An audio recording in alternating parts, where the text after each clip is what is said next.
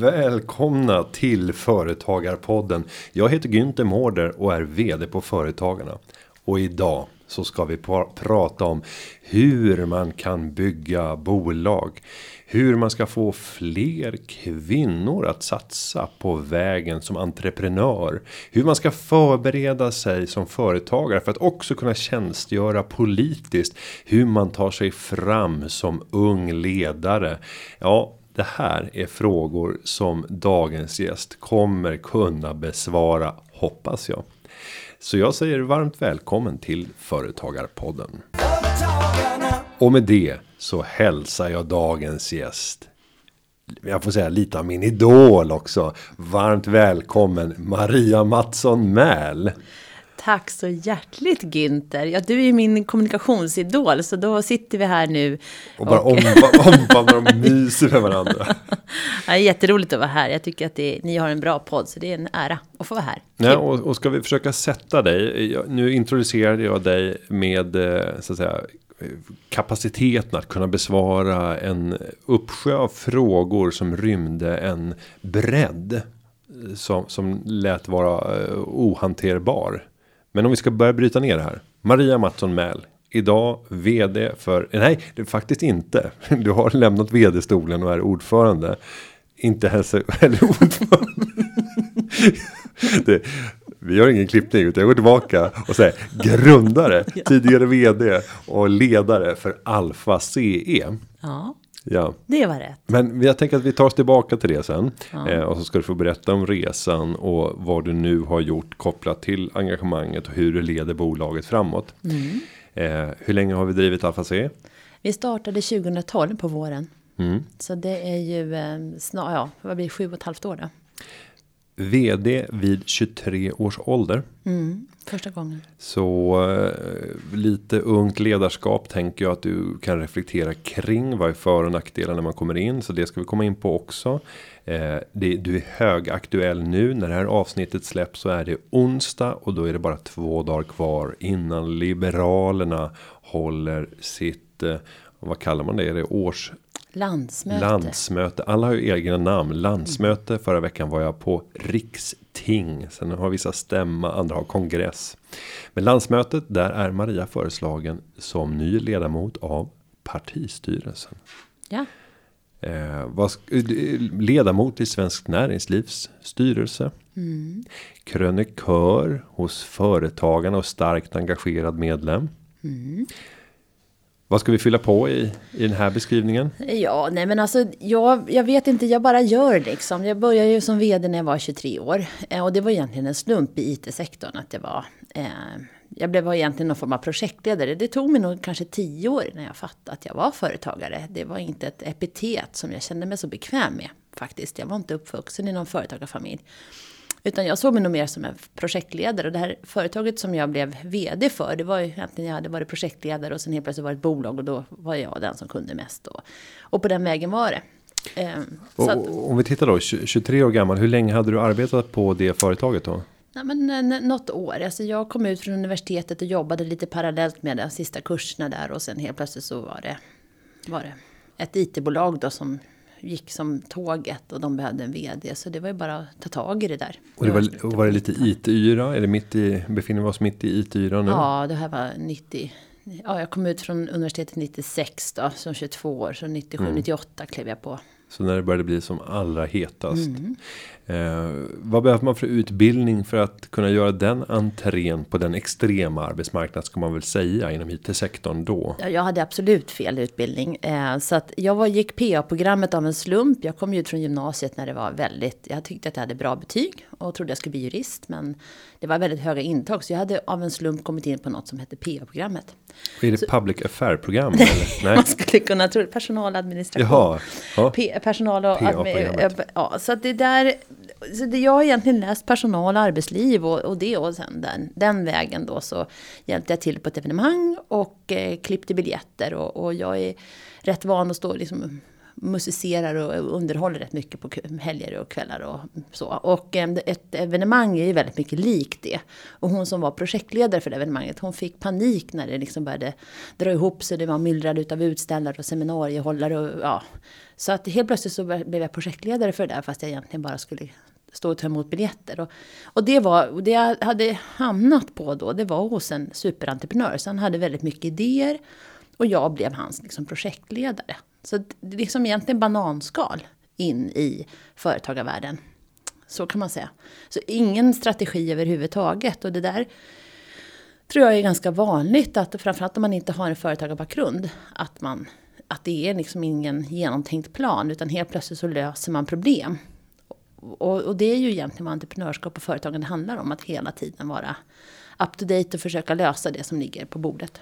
Sen säger man ju ofta att entreprenörskap både är smittsamt och ärftligt. Hur ser det ut i, i ditt perspektiv? Har du blivit smittad eller är det nedärvt? Jag vet inte. Nej. Det var en jättekonstig fråga Günther. Jag tror så här att, att eh, i min, min föräldrageneration där finns det inget företagande. Min, min pappa var arbetarson och gjorde liksom, eh, ja, var aktiv inom eh, Socialdemokraterna och var skolledare och sådär. Så att eh, mycket driv hade han men ingen entreprenörskap. Däremot om jag tittar lite på hans mormor var eh, nog en rebell. Alltså hon, vi, vi släkten kommer ifrån en liten bruksort uppe i Sundsvall. Och, och hon, hon såg till att starta nykterhetsrörelsen för att gubbarna höll på att supa ihjäl sig och sprang runt och hällde ut spriten åt gubbarna. Och sen så tyckte hon att det var väldigt provocerande att bruket ägde livsmedelsbutiken. Så då startade hon en butik också för att folk skulle kunna köpa mjölk någon annanstans än hos arbetsgivaren och sådär. Så att eh, Axelina då som hon hette, det var ju absolut en, en entreprenörsdriven kvinna. Var befinner vi oss i Sundsvall? Vi är inte ute på Alnön? Nej, åt andra hållet. Aha, ja. I Galtström, ja. SCAs eh, vagga är det. Ja, för jag har ju rötter från Alnön. Det är det ja. sant? Det är Sundsvalls påg. Jag förstår, det var någonting oss emellan där. Så. Just det. Vi kanske är släkt, det brukar vara så att de, de flesta de där flesta i Sundsvallstrakten mm. där uppe, det är faktiskt släktingar. Mm. eh, och sen så skulle man då kunna göra bedömningen att eh, din tidiga entré, entré tillsammans med en person som du beskrev som väldigt stark företagare va? Som eh, på IT-företaget. Ja just det, Anders Åkerman då som, som på något sätt adopterade mig som lät mig starta en massa bolag. Eh, eller hjälpa honom att dra igång massa projekt som sen blev bolag. Och sen vart jag då vd för Innovit och Innovit eh, eh, såldes till ett börsnoterat bolag i London. Så när jag var 25 så satt jag som vd för något börsnoterat bolag i London. Och vi tjänade otroligt mycket pengar. Och det skulle man inte göra på den här tiden. Nej, det var ju väldigt ovanligt i den här sektorn. Vad, ja, vad, vad gjorde ni som inte de andra gjorde? Eh, de brände ju mest pengar. Ja, alltså vi var ju då kan man säga ungefär som TT som du säkert känner till. Mm. Alltså att man säljer nyheter fast man kokar om den till olika så man kan liksom prenumerera. Jo, vi gjorde egentligen samma sak fast det är företag. Fantastisk eh, affärsidé. Så vi gjorde nyhetspuls åt olika hemsidor och nyhetsbrev och så. Och där man eh, helt enkelt prenumererar på att få feeden och fick välja själv ja, vad man skulle publicera. Så mm. varje morgon liksom uppdaterade vi massa storbolags hemsidor och nyhetspuls. Fantastiskt. Och vi öppnade liksom det ena europeiska landet efter det andra. Vi fanns i 8-9, var på väg upp i flera andra. Och tjänade enormt. Vi hade vinstmarginaler på 80 procent. Jag har aldrig varit vd för en sån bra affärsidé. Och då säger min styrelse att du måste ändra affärsidé. Det är ett fel på det här för du tjänar ju pengar nu. Du skulle mm. tjäna pengar sen vi ska ha, jobba med burn rate. Och då så tänkte jag det där var ju så dumt. Så jag kan inte ringa upp mina kunder och säga vi måste byta affärsidé för vi tjänar för bra med pengar. Så då sa jag upp mig därifrån och sen blev jag vd för ett bokförlag i 7-8 år. Mm. Och vägen sen in i företagandet, uppstarten av Alfa C 2012. Vad var det som gjorde att du eh, Ja, men jag, hade, jag hade en period jag jobbade som, som eh, hamnade av en slump kan man säga på en anställningsintervju på, på Lernia. Eh, var inte alls meningen, jag var där som gjorde konkurrentanalys åt Manpower egentligen. Eh, och blev väldigt förälskad i Lernia som är statligt ägt. Och, och blev platschef och blev av en intraprenör. Och, där, och sen var jag, blev jag jobb, eh, vd då för jobbcoachbolaget på Lernia. Och Eh, jag hade en idé om hur man skulle driva Lernia och min koncern hade en annan idé.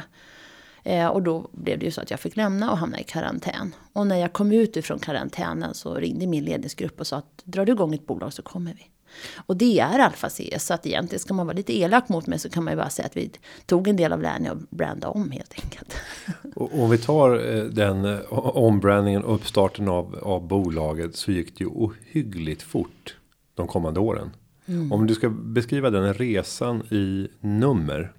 Första året så omsatte vi eh, 12 miljarder. Eh, 12 miljoner. 12 miljarder, jajamän.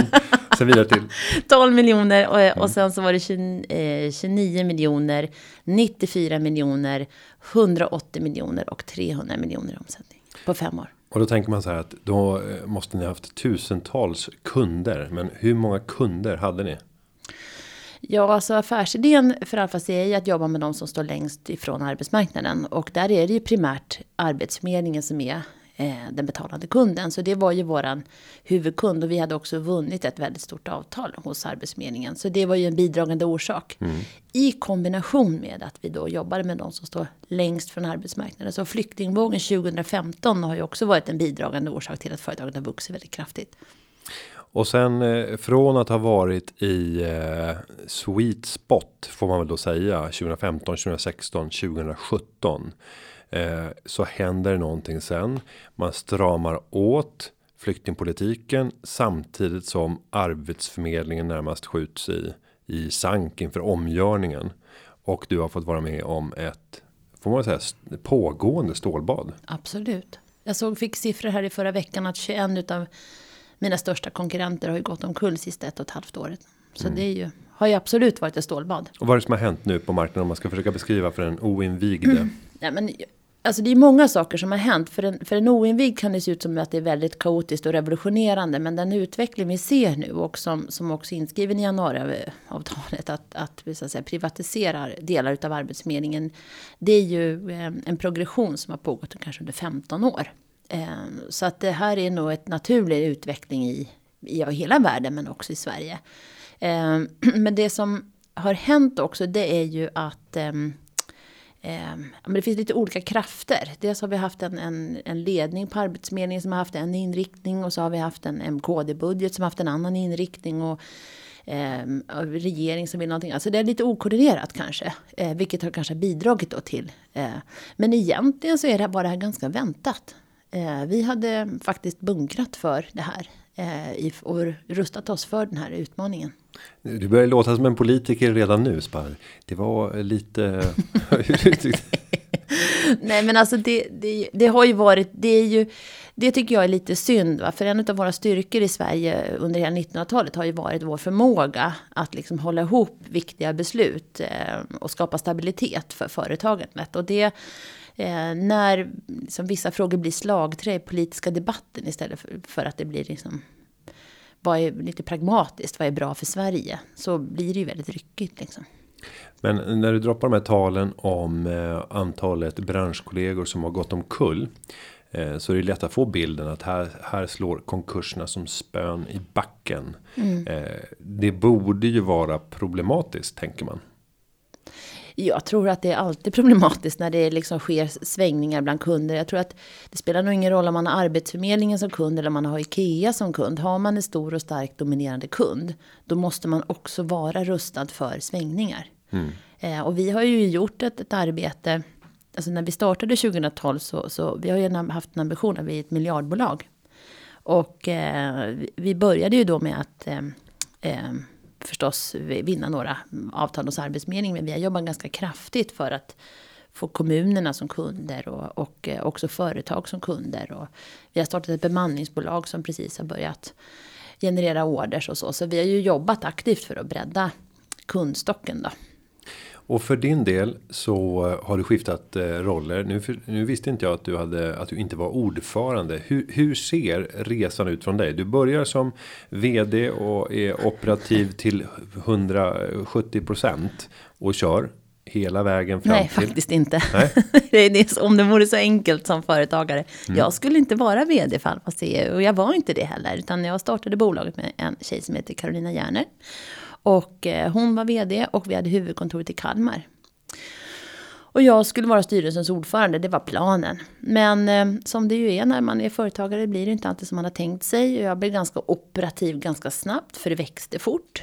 Eh, så jag var allt ifrån jobbcoach till marknadsavdelning och anbudsskrivare och styrelsens ordförande och en massa annat. Och sen eh, sa Karolinas hälsa ifrån. Så att efter två år så eh, bytte vi plats och då blev jag vd då. Och då mm. hade jag ju huvudkontoret nere i Kalmar. Och eh, så har jag varit vd ett par år. Eh, min ambition var som sagt aldrig vara vd. Jag tycker alltid att jag får hamna på den stolen. Eh, det är sån här eh, bumerang som kommer tillbaka mm. på mig hela tiden. jag tycker att jag gör ett bättre roll när jag inte behöver vara den som är vd och håller ihop allt. Men, ta men tanken vid startandet av Alfa CE var alltså att du skulle vara en engagerad ordförande men inte mer? Mm. Mm, så, det kan, så det kan gå sen då? Ja, så kan det bli. Ja. Och sen så eh, var jag, har jag varit vd då ungefär fem år. Och sen när, när vi hade, vi var ju 550 anställda eh, när vi la vårt varsel då på 450 personer och skulle ner ungefär på 100 anställda. Och då hade jag en fantastiskt duktig vice vd som heter Erik Gustafsson som var, eh, skötte firman. Och då var det helt naturligt att lämna över till honom. Och eh, i vissa fall kanske man skulle satsa på ordförandeposten. Men jag tänkte att han behöver inte ha mig som chef. Eh, utan han måste få liksom lära sig att, att vara vd för firman och, och, inte känna att jag springer runt som en överrock. Så jag sitter i styrelsen och jag är delägare och jag bollar. Jag pratar med Erik varje eh, dag. Liksom. Så det är inte mm. så. Men, men han, han får driva firman nu. Eh, och när du säger så. Eh, varsla 450 personer av 550. Mm. Eh, vad är det som händer i, i, vid ett sånt tillfälle. Om vi börjar rent personligt. Om vi tar de perspektiven först som ägare och ledare för verksamheten. När man ser att förutsättningarna helt förändras. Vad händer inom dig som som företagare i en sån stund? Ja, kul, kul att du frågar, eller intressant att du frågar Günther. För att jag var, eh, vi hade lämnat en, vi hade ett jättestort uppdrag åt Arbetsförmedlingen. Och så hade vi lämnat en jättestor offert då, på samma uppdrag kan man säga. Eh, och jag var i Almedalen, i slutet av Almedalen. Och du har ju varit där många gånger och det är mycket, mycket folk. Och det här var tack och lov då, slutet, slutet på veckan. Så det var inte riktigt lika mycket folk. Men jag hade varit på någon intervju eh, och, och stått på någon scen och intervjuat. Och sen kom jag ner därifrån och tittade på, på telefonen och då har vi fått tilldelningsbeskedet. Och jag öppnar det och vi har fått avslag. Och då förstår jag i samma sekund att nu nu måste jag säga upp alla mina kollegor som vi har byggt och byggt och byggt och nu, nu blir det en käftsmäll. Och då, det är klart att då, då bryter man ju ihop liksom. Så då fick jag ju gömma mig bakom en monter, liksom, ställa mig bakom något skjul och, och liksom samla tankarna och fundera på vad är vägen fram nu? Vad, vilka steg måste, vilka måste informeras först? Vilka måste informeras sen? Ja, göra en to-do-lista liksom snabbt i huvudet. Kunde du göra det i, i den sinnesstämning som man befinner sig i efter sånt? För det blir ju ett chockbesked. Ja, det var verkligen ett chockbesked. Man bygger och bygger och bygger och bygger. Och när man mm. är som på toppen liksom så bara raseras allting. Eh, nej, men det tog nog kanske 30 minuter innan jag hade liksom sansat mig och bara, mm, nu har jag en plan. Eh, och den första jag träffar när jag kommer ut där, det är faktiskt Elisabeth Svantesson. Eh, som då var arbetsmarknadspolitisk talesperson för Moderaterna. Och då tittade hon på mig och så sa jag har hört. Så mm. då var det redan ute på byn. Um, nej, väldigt speciellt att få den där. Och sen, sen var det ju, det är ju ett hantverk att montera ner. Jag måste säga att um, det som vi hade fördelen av, det var ju att det var ju inte något internt misslyckande, utan vi, vi hade tappat en stor affär, en stor order. Och alla var väldigt förstående, så många av de här 300, eller 450 då som de hittade ju egna jobb och sa ring mig, jag, hittar, jag får gå tillbaka till min gamla anställning. Ring när vindarna vänder igen så kommer jag mm. tillbaka. Så väldigt fint. Eh, ja, det har gått väldigt, väldigt bra. Och eh, om vi tittar på de 450 som varslades har, har alla varsel verkställts också fram till idag? Ja, men Åh, alltså herregud, det är ju så många turer när, när sånt här händer. Liksom. Så det, vi, vi var ju 550 anställda och omsatte lite drygt 300 miljoner liksom i rullande. Och sen var vi nere på ungefär 100 eh, mm. innan vi vände. Och nu är vi nog uppe, nu har vi börjat vända, nu växer vi ju igen. Eh, så nu bygger vi ju igen och nu är vi väl uppe på en 150 kanske i årsomsättningen. Mm. Eh, med sikte på kanske närmare 200 nästa år. Så det går ju upp och ner. och, och det här som jag beskriver nu, att det går upp och ner. När man jobbar med arbetsmarknadens utmaningar så påverkas ju väldigt mycket av lågkonjunktur, eh, flyktingvågor, ja så. Och det går ganska snabbt upp och ner och det är ju därför också som jag tror att det kan vara eh, och många med mig tycker att det är bra att, att liksom Arbetsförmedlingen är en myndighet och den är ganska trögrörlig. Och det här måste vara snabbrörligare. Mm. Den här materian liksom. Hur bygger man en verksamhet för att klara eh, den här typen av kontraktsbusiness? För det handlar ju inte bara om när det är arbetsförmedlingen som beställer utan det handlar ju om alla offentliga beställningar. Om man blir ett företag som bygger upp ett erbjudande som svarar upp mot ett behov som offentliga köpare har och sen går det väldigt bra. Vad ska man tänka på för att öka motståndskraften om det oförutsedda som inte egentligen borde vara oförutsett utan det finns alltid som en överhängande risk. Men vad ska man tänka på när man bygger en sån business? Ja, så jobbar man med LOU, då är det ju oftast två år plus ett plus ett. Eh, och, och om du ska förklara man, det då, två alltså, plus ett plus ett. Lagen om offentlig upphandling är ju alltså ofta, oftast så ser det ut så att man har två år kontrakt och sen har man ett år plus ett år. Så maximalt är det ju fyra år då. Och det vet man ju om. Eh, Medan däremot är det lagen om offentlig valfrihet, då är det ju längre ledtider. Det kan vara, ja, eh, då kan det vara på 20 år. Mm. Så det är ju fördelen med lagen om offentlig valfrihet. Då. Å andra sidan då så vet ju inte hur många du har. Har du en LOU så kan du ju veta att så här. Nej, men det är ju liksom någonstans materian man har, har att jobba med. Det man kan göra är ju att ha flera kunder då. Ehm, alternativt att man försöker saxa så att man säkerställer att man har olika. Det finns ju också aktörer som jobbar med underleverantörer. Så man anställer inte folk utan man jobbar med egenföretagare i andra ledet. Liksom. Mm. Så vi har olika strategier. Vi har ju valt en strategi att anställa alla. För vi vill bygga kultur. Vi vill bygga liksom strukturer som är interna. Då. Om vi eh, sen tittar på ledarskaps eh, erfarenheter som du har eh, både skaffat dig och ådragit dig under den här perioden. vilken Maria är det som sitter framför mig idag jämfört med hon som startade Alfa CE 2012 och redan då hade rätt mycket erfarenhet av ledarskapet. Alltså jag tror att ju mer man är med om eh, som företagsledare eller chef, desto mer rutinerad blir man ju. Så att man kan ju se farorna innan de dyker upp till exempel. Och man vet också att man måste ha buffertzoner och mm, tid och kraft av. Liksom att man inte springer runt med liksom en spänd gummisnodd, utan liksom gummisnodden måste ha möjligheter att spännas vid oförutsägbara tillfällen. Liksom. Um, så det är klart att för varje gång man är med om en kris eller en... Jag, jag menar det är tufft att bygga snabbt men det är också tufft att bygga, alltså avveckla snabbt.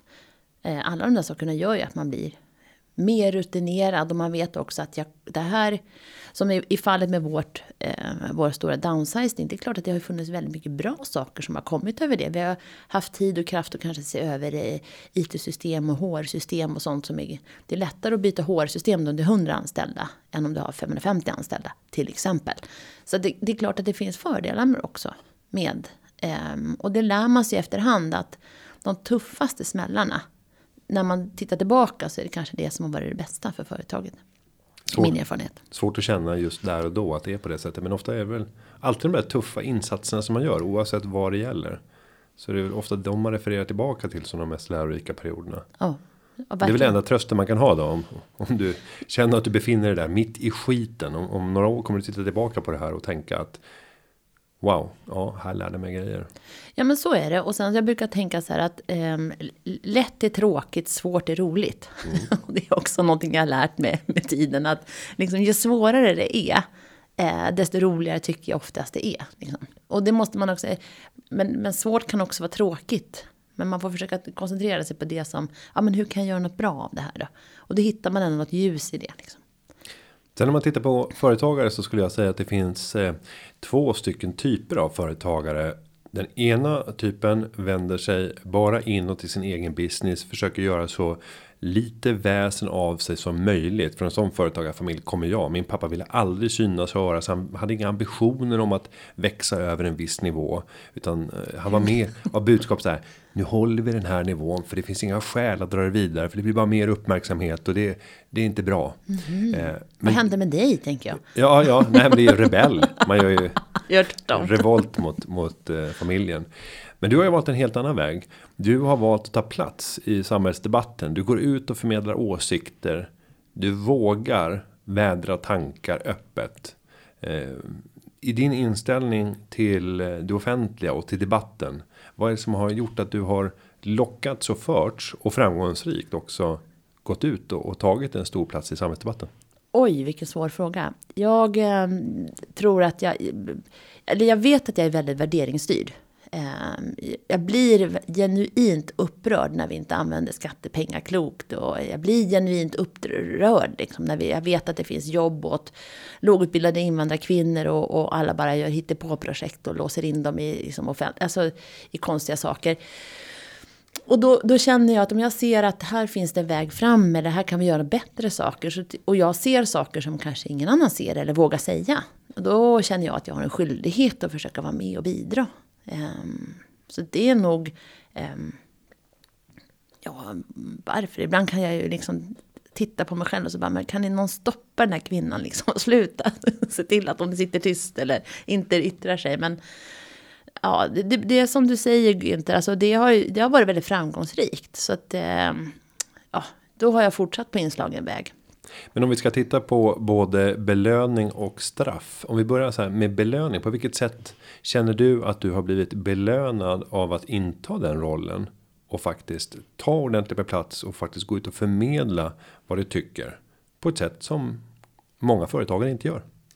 Nej, men vi kan väl ta till exempel då när de ringde från valberedningen till eh, Svenskt Näringslivs styrelse. Jag sitter ju på ett eget mandat där. Att, eh, jag är alltså inte representant från Almega eller Teknikföretagen. Utan man, man har några fria mandat där man sitter själv så att säga, och är stämmovald. Och det, den konstruktionen gjorde man ju därför att det blev en ganska trögrörlig och demokratisk organisation förvisso, men också ganska trögrörlig när man alla liksom representerade inte sig själva utan när man representerade någon form av gruppering. Och då gjorde jag att alla var tvungna att springa tillbaka och förankra. Så då gjorde man om stadgarna och styrelsen och så hade man då de här fria mandaterna. Och då ringde då valberedningens eh, eh ordförande till mig och så sa han att de ville föreslå mig. Och då sa han, ni kan inte, absolut inte ha mig i styrelsen. Det går inte för att jag har massor med åsikter och jag bloggar och jag flaxar med armarna och säger ja vi vet, det är precis därför vi behöver ha, för ska vi ha de här fria mandaten då måste vi också ha företagare som vågar ta plats och, och driva på. Så att, eh, ja, då fick de ju det då. Mm. Och, hur, och hur funkar det i ett sånt sammanhang då? För det är en ganska stor styrelse, en av Sveriges största. Mm. Hur många personer? Jag vet inte, men vi kan nog vara 50-60 pers ja. på varje styrelsemöte. Så det är ju som en lite mindre riksdag där. Mm. Ja. Och hur mycket plats är det eh, okej att ta i ett sånt sammanhang? Det blir ju mer som ett fullmäktige tänker jag än, eh, än en styrelse. Nej, men alltså vi har ju för, frågor som är förberedda och, och eh, från presidiet och sådär va. Men alltså jag sträcker upp handen hela tiden och har massa synpunkter. Mm. men det är klart att alla har ju inte det. Eh, och alla är kanske inte heller bekväma med att prata inför en så stor grupp. Nej, och det är inte vilka personer som helst utan det är väldigt många välkända personer mm. och det där kan ju också vara en spärr man tänker vad har jag att bidra med med alla de här personerna som man ser i tidningen och det gäller att man har ett ganska starkt eh, självförtroende för att våga ta plats i de där lägena. Va? Ja, det är möjligt. Det, det, så är det säkert. Jag tror att, nej, jag har inte tänkt på det. Däremot så, så tror jag att många av de som sitter i den församlingen skulle kanske vilja ta mera plats. Men har man aktieägare, är man på börsen, eh, representerar man alla teknikföretagen och inte bara sitt eget bolag, ja, men då kanske man inte kan säga precis vad som helst. Utan man kanske måste hem, backa hem och, och kontrollera att det är okej okay att yttra sig i den ena frågan eller den andra. Så att eh, man får respekt för att många av de som sitter där är också eh, galjonsfigurer för, för grupperingar eller för företag. Som, så det är, de har inte så lätt att yttra sig. Och där känner jag nog ett ansvar att jag är ju, aktieägarna är ju jag liksom. Jag kan ju tycka vad jag vill och vara mycket mer frispråkig. Finns det lägen eh, då du har straffats till följd av eh, din debattlystnad? Nej, det tror jag inte. Det har jag säkert, men har inte märkt. Nej. Jag vet inte, känner du till något Gunther? Ja, jag känner till fyra fall. Okej. Okay men, men det är mer sånt som man pratar om och tisslar och tasslar ute på marknaden. Nej, jag, jag, jag kan inte se eh, några större händelser där som jag kan referera till. Men ibland så brukar man ju känna själv att eh, jag, jag har ju flera sådana fall själv där man säger att eh, i media så blir man ju nästan alltid felciterad. Mm. Eh, och det kanske inte är själva citatet som sådant som är fel. Men det blir en rubriksättning som inte stämmer överens med citaten. Det finns den beskrivande texten som ramar in de citat som man haft rätten att kontrollera. Som gör att citaten sätts i ett annat sammanhang än vad man hade tänkt sig. Eh, och jag brukar alltid tänka att ah, även om det blir fel. Det mesta blir ändå bättre av att komma ut än att inte komma ut. Mm. Eh, men du måste väl ha känt sådana tillfällen där du har blivit orättvist citerad Alltså rubrik, jag håller med dig. Eh, inte citaten, det Nej, tycker jag ofta att man, man får, ja. får ofta, eller jag, det har jag ju fått som rutin att jag alltid ber att få läsa mina citat. Och det tycker jag, men däremot, det är klart det finns ju rubriksättningar som man undrar om, om, om eh, de har rökt på innan och satte dit dem. Mm. Liksom. Absolut, det finns ju några som jag skrattat högt, och vad ska man göra? Det är ju ute liksom. Eh, och i, när vi startade Alfa C så var ju vi, vårt första avtal var ju etableringslots vi ville ju göra någon, det som politikerna hade för avsikt med etableringslotsar. Eh, och vi hade en väldigt, väldigt fin verksamhet. Eh, Medan däremot det var ju väldigt utskällt och mycket, det var ju alltid från pengar, tvätt och kriminalitet och ja, det var så mycket konstigt i etableringslots bland de andra aktörerna. Så det, det, och då bland annat så hamnade jag på, på löpet, eh, för att ta en rolig anekdot, jag hamnade på löpet på Expressen tillsammans med någon som hade någon svindyr Ferrari och någon annan dyr bil. Och så stod det då att jag hade eh, 39 Fordar. Det var ju alla våra poolbilar Jaha, ja. som stod på mig. Riktigt lyxigt. jo, då visst så ja. Jag åkte runt med alla mina Fordar i hela Sverige.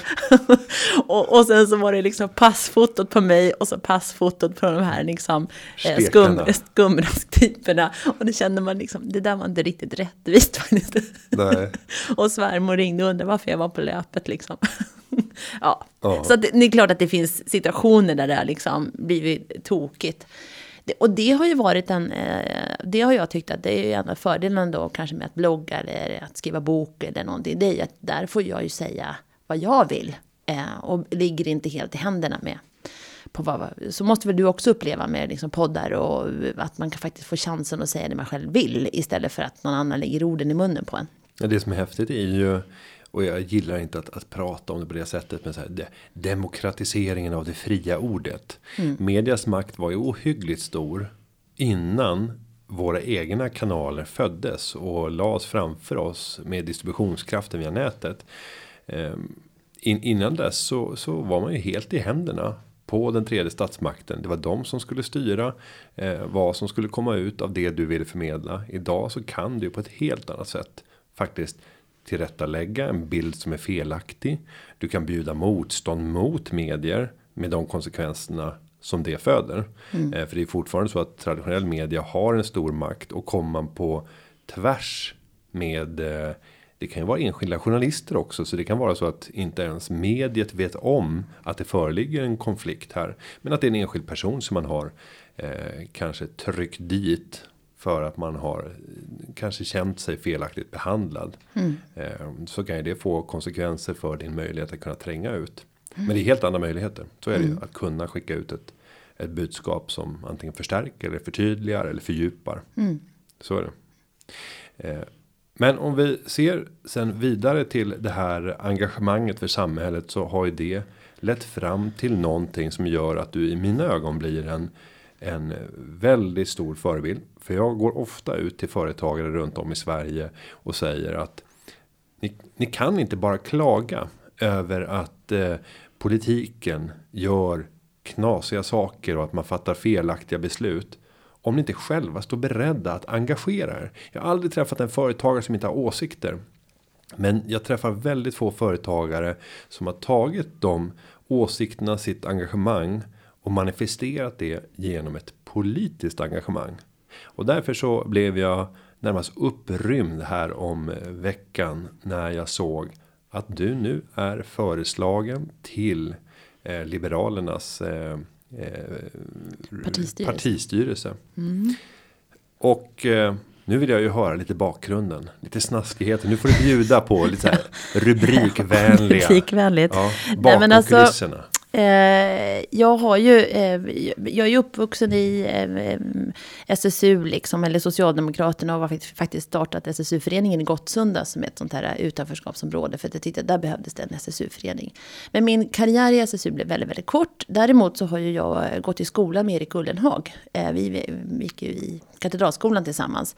Och ehm, han och jag hade mycket diskussioner på den tiden, liksom, eh, politiska och elevrådet och sådär. Eh, sen då, eh, och då, då, då, hade jag klivit ur SSU, men hade ju fortfarande väldigt socialdemokratiska värderingar och åsikter och sådär.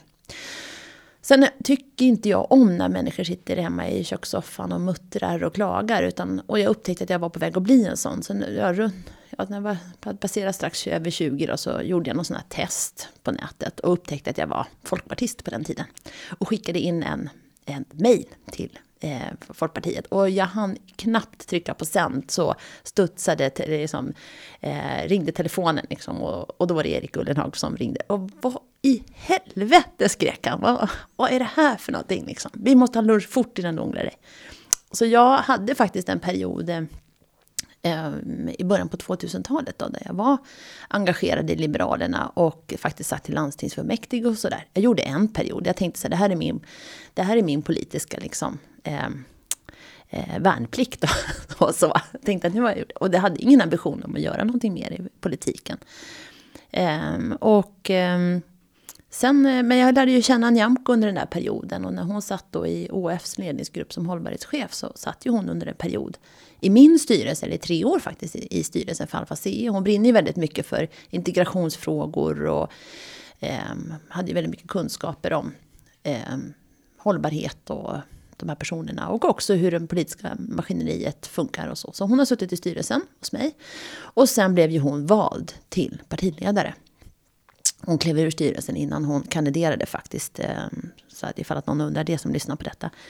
Apropå snaskiga eh, rubriker. Men, och då ringde hon till sommaren och sa att jag skulle vilja att valberedningen föreslog dig till eh, partistyrelsen. Nej, men fick jag på ett sms och sa aldrig, du skämtar liksom. Det, det, går ju inte, jag är ingen politiker och det går, funkar inte så. Liksom. Och så ringde hon och sa, du jag, menar faktiskt allvar. Eh, kan du tänka dig? Nej, men och så pekar jag åt höger och jag tänker, jag hittar massor med bra kandidater ska du mm. veta. Eh, och jag vet inte om de kontaktade dem, det kanske de gjorde. Men, men hur som helst så kom bollen tillbaka och då kom den inte via Nyamko utan då kom den via valberedningen. Och argumentet som de hade var ju då att eh, de har en tradition. De har haft både P.G. Gyllenhammar och Antonia Axelsson Jonsson i partistyrelsen tidigare. Eh, och de vill eh, ja, skärpa upp och liksom jobba mer med näringslivsfrågor och företagarfrågor. Och då tycker jag att får man en sån utsträckt hand, då har man en skyldighet att ta den. Liksom. Mm. Ja, jag blev väldigt glad. Och jag tänker att fler eh, borde förbereda sina företagarmässiga karriärer för att kunna göra en sån här resa. Och det handlar ju inte nödvändigtvis om att, att gå in i partistyrelsen. Utan att kunna ha ett politiskt engagemang överhuvudtaget. Och det vanligaste och mest omfattande arbetet sker ju på kommunal nivå. Mm. Eh, så att kunna engagera sig där man bor. Och det är väldigt roligt också för att man menar, får man en, sitter man i en byggnadsnämnd, vilket jag faktiskt också har gjort, då får man också en lite ödmjukhet inför de här sega processerna. Och att faktiskt det är, finns en anledning till att demokratins kvarnar maler väldigt, väldigt sakta. Det är ju för att man ska ja, det ska finnas skolor, det ska finnas vattenledningar, det ska finnas, det är inte bara att smälla upp ett hus, utan det måste liksom hänga ihop hela systemet. Eh, och det är väldigt komplext, så att det är väldigt roligt att få insyn i den andra sidan. Och jag tycker att det finns precis som du, att det finns alldeles för få som kliver emellan. Och nu ska vi ju av eh, här, formella skäl säga att du är de facto inte vald. Nej. Utan nu är det ju eh, val här till helgen. Men om, om, du skulle få tala nu inför eh, dina eh, partikamrater som sitter framför dig och de står inför begrepp att välja. Oj. Hur skulle ett kort eh, tal låta där du ska öka dina chanser att bli vald? Ja, lite svårt att sitta här framför dig med en podd i en studio och, och liksom mobilisera styrkorna. Men jag kan väl säga så här då, att, att eh, nu har jag ägnat eh, några veckor här åt att lusläsa partiprogrammet och så. Det finns väldigt mycket företagarpolitik i Liberalernas eh, partiprogram. Eh, tycker jag. det finns, eh, alltså det är ett väldigt starkt förankrat utbildningspolitik eh, och kompetensförsörjningspolitik. Eh, och det är extremt viktigt för ett företagar, ehm, en företagare att det finns en bra utbildningspolitik. Eh, så det tycker jag är, är en närtidsfråga, absolut. Det finns också en, en skattepolitik där man faktiskt eh, vill sänka skatter och underlätta för företagande och så. Och som man inte heller riktigt gör kopplingen hela vägen. Man pratade om värnskatten här eh, för några veckor sedan ganska mycket. Men alltså att faktiskt göra kopplingen till specialister och möjligheten att importera eh, arbetskraft och, och spetskompetens. Liksom, eller, så där finns det ytterligare liksom bi, eh, pusselbitar. Eh, det finns ganska mycket företagarpolitik i Liberalernas partiprogram. Men de har inte tänkt på det, tycker jag. Utan jag tycker att man måste, man måste börja paketera om vissa delar i det här och berätta för företagarna vilken bra politik det finns. Och tar man Jan Björklund som som långvarig partiledare så hade han ju många förtjänster, men han talade väldigt sällan om företagande. Eh, min uppfattning var att det blev väldigt mycket skola, det blev en del energi, det blev en del försvar. Eh, men det är utifrån att inte ha satt mig ner och faktiskt börjat räkna. Men när jag tänker tillbaka på hans gärning som partiledare så är det de tre frågorna jag skulle lyfta särskilt. Men nu när jag lyssnar på Nyamko sen hon tillträdde här i somras så dyker företagarfrågan upp, inte minst i de partiledardebatter som är offentliga om vi tar nu både agenda och, och när vi hade riksdags eller partiledardebatten i riksdagen. Mm. Hon är den som mest har lyft företagare och företagarfrågor i allmänhet under de debatterna. Är Nyamko eh, djupt intresserad av Vad roligt att du tycker det. Ja, det tror jag. Eh, mm. det tror jag. Jag, jag, jag gjorde, har gjort samma notering, Günther. Eh, och jag, eh, när, när de hade partiledardebatten i tv så var ju hon, sa ju hon vid flera tillfällen eh, till Jonas Sjöstedt att du pratar bara hur man fördelar välfärden, men vi måste också skapa välfärden. Och där tror jag att hon är, det tror jag att hon är besjälad av. Att vi måste också, vi måste prata vision, vi måste prata framtid, vi måste skapa eh, tillväxt och vi måste skapa trovärdiga, liksom, hållbara alternativ eh, till företag, liksom, både på energiområdet men också eh, företag regelverk och så. Eh, jag tror att hon är, är genuint besjälad av att eh, stärka näringslivsfrågor. Absolut. Och, och, så är det väl alltid att en partiledare har vissa hjärtefrågor. Eh, jag är inte jätte, jag känner ju Nyamko ganska bra, jag är inte jättesäker på att eh, företagarfrågor är en hjärtefråga för henne. Men jag vet att hon tycker att det är viktiga frågor. Och jag vet också att hon eh, är beredd att dela med sig av rampljuset. Så att jag, det är möjligt att det är Mats Persson som får mera eh, rampljus eller att det, ja, Arman heter väl den som är när, eh, vet inte vad Näringspolitisk talesperson. Ja, precis. Eh, Karlstad.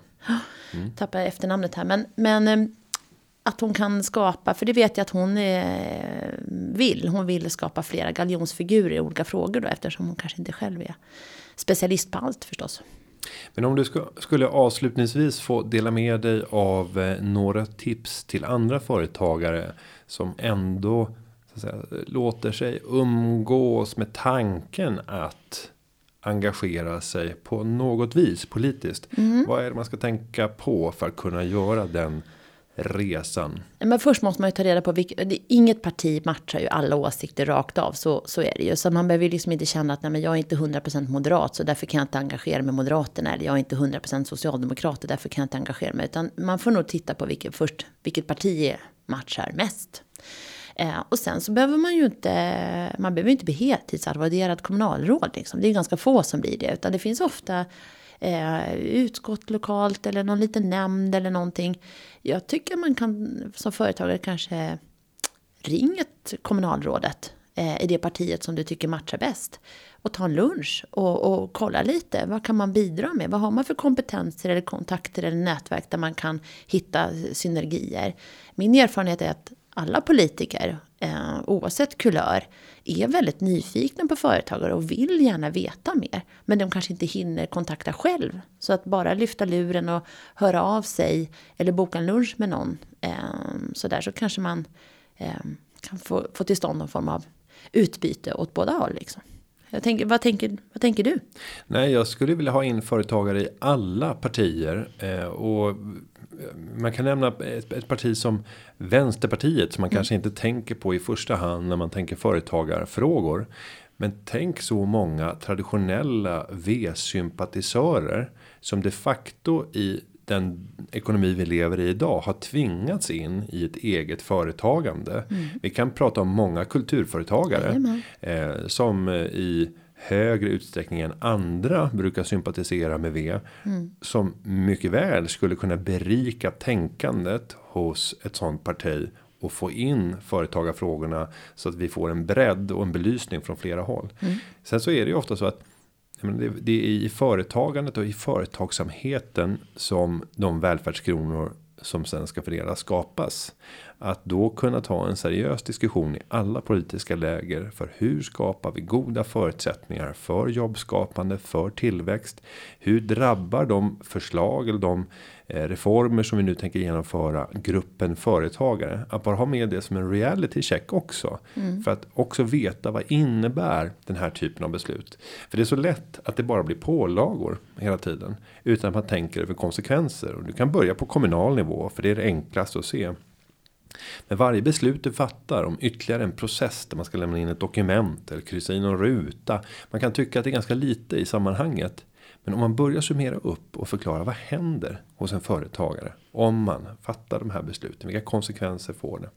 Ja, jag håller helt med. Och sen tänker jag också att det finns en väldigt låg kunskap kring företagandet. Det är väldigt lätt att titta på vinstmarginaler när det går bra eller liksom titta på priser och liksom framgångshistorierna. Men ofta är det ju väldigt mycket ehm, hårt arbete och kanske liksom minussiffror och bakslag och sånt som man varit tvungen att hantera. Ehm, och det tror jag, det finns liksom ingen det är ju kanske ingenting man pratar om eller vi vill att journalisterna ska skriva om alla bakslag och då skulle ingen människa vilja vara företagare om man visste hur tufft det var.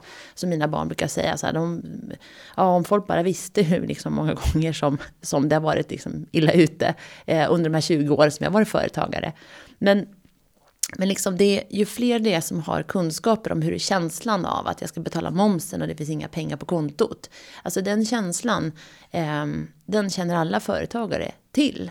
Men eh, kan vi förmedla den till fler liksom? Ehm, eh, och det finns fler med den insikten som sitter i våra ehm, demokratiska liksom, organ så, så tror jag att det är väldigt värdefullt för samhällsutvecklingen.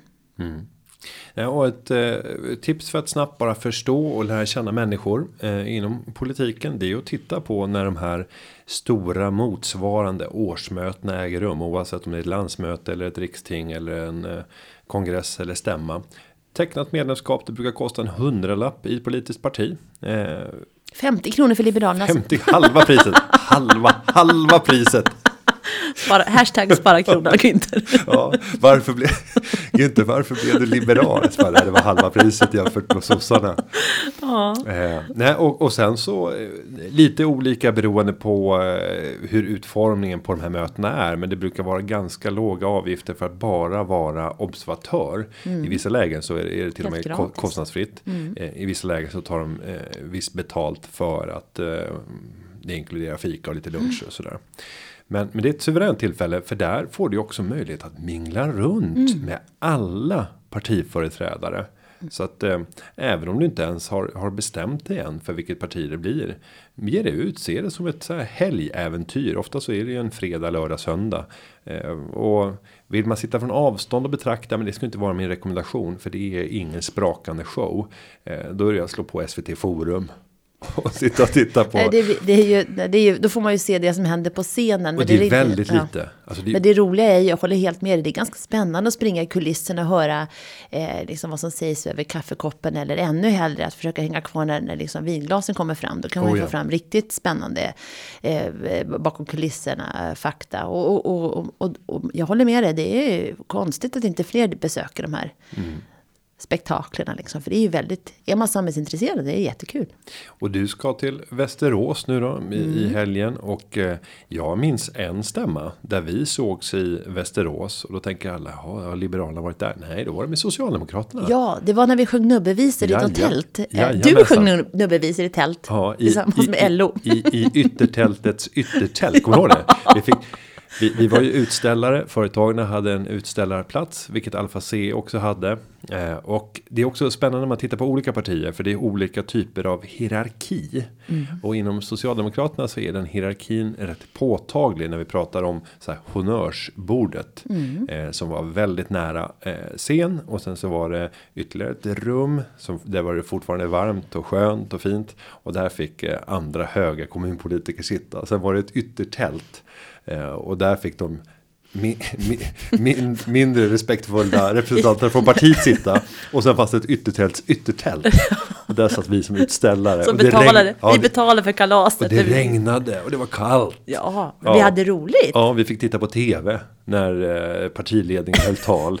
Så kunde vi följa det från direktlänk. Det var direktsändning på den här tvn. Ja. ja.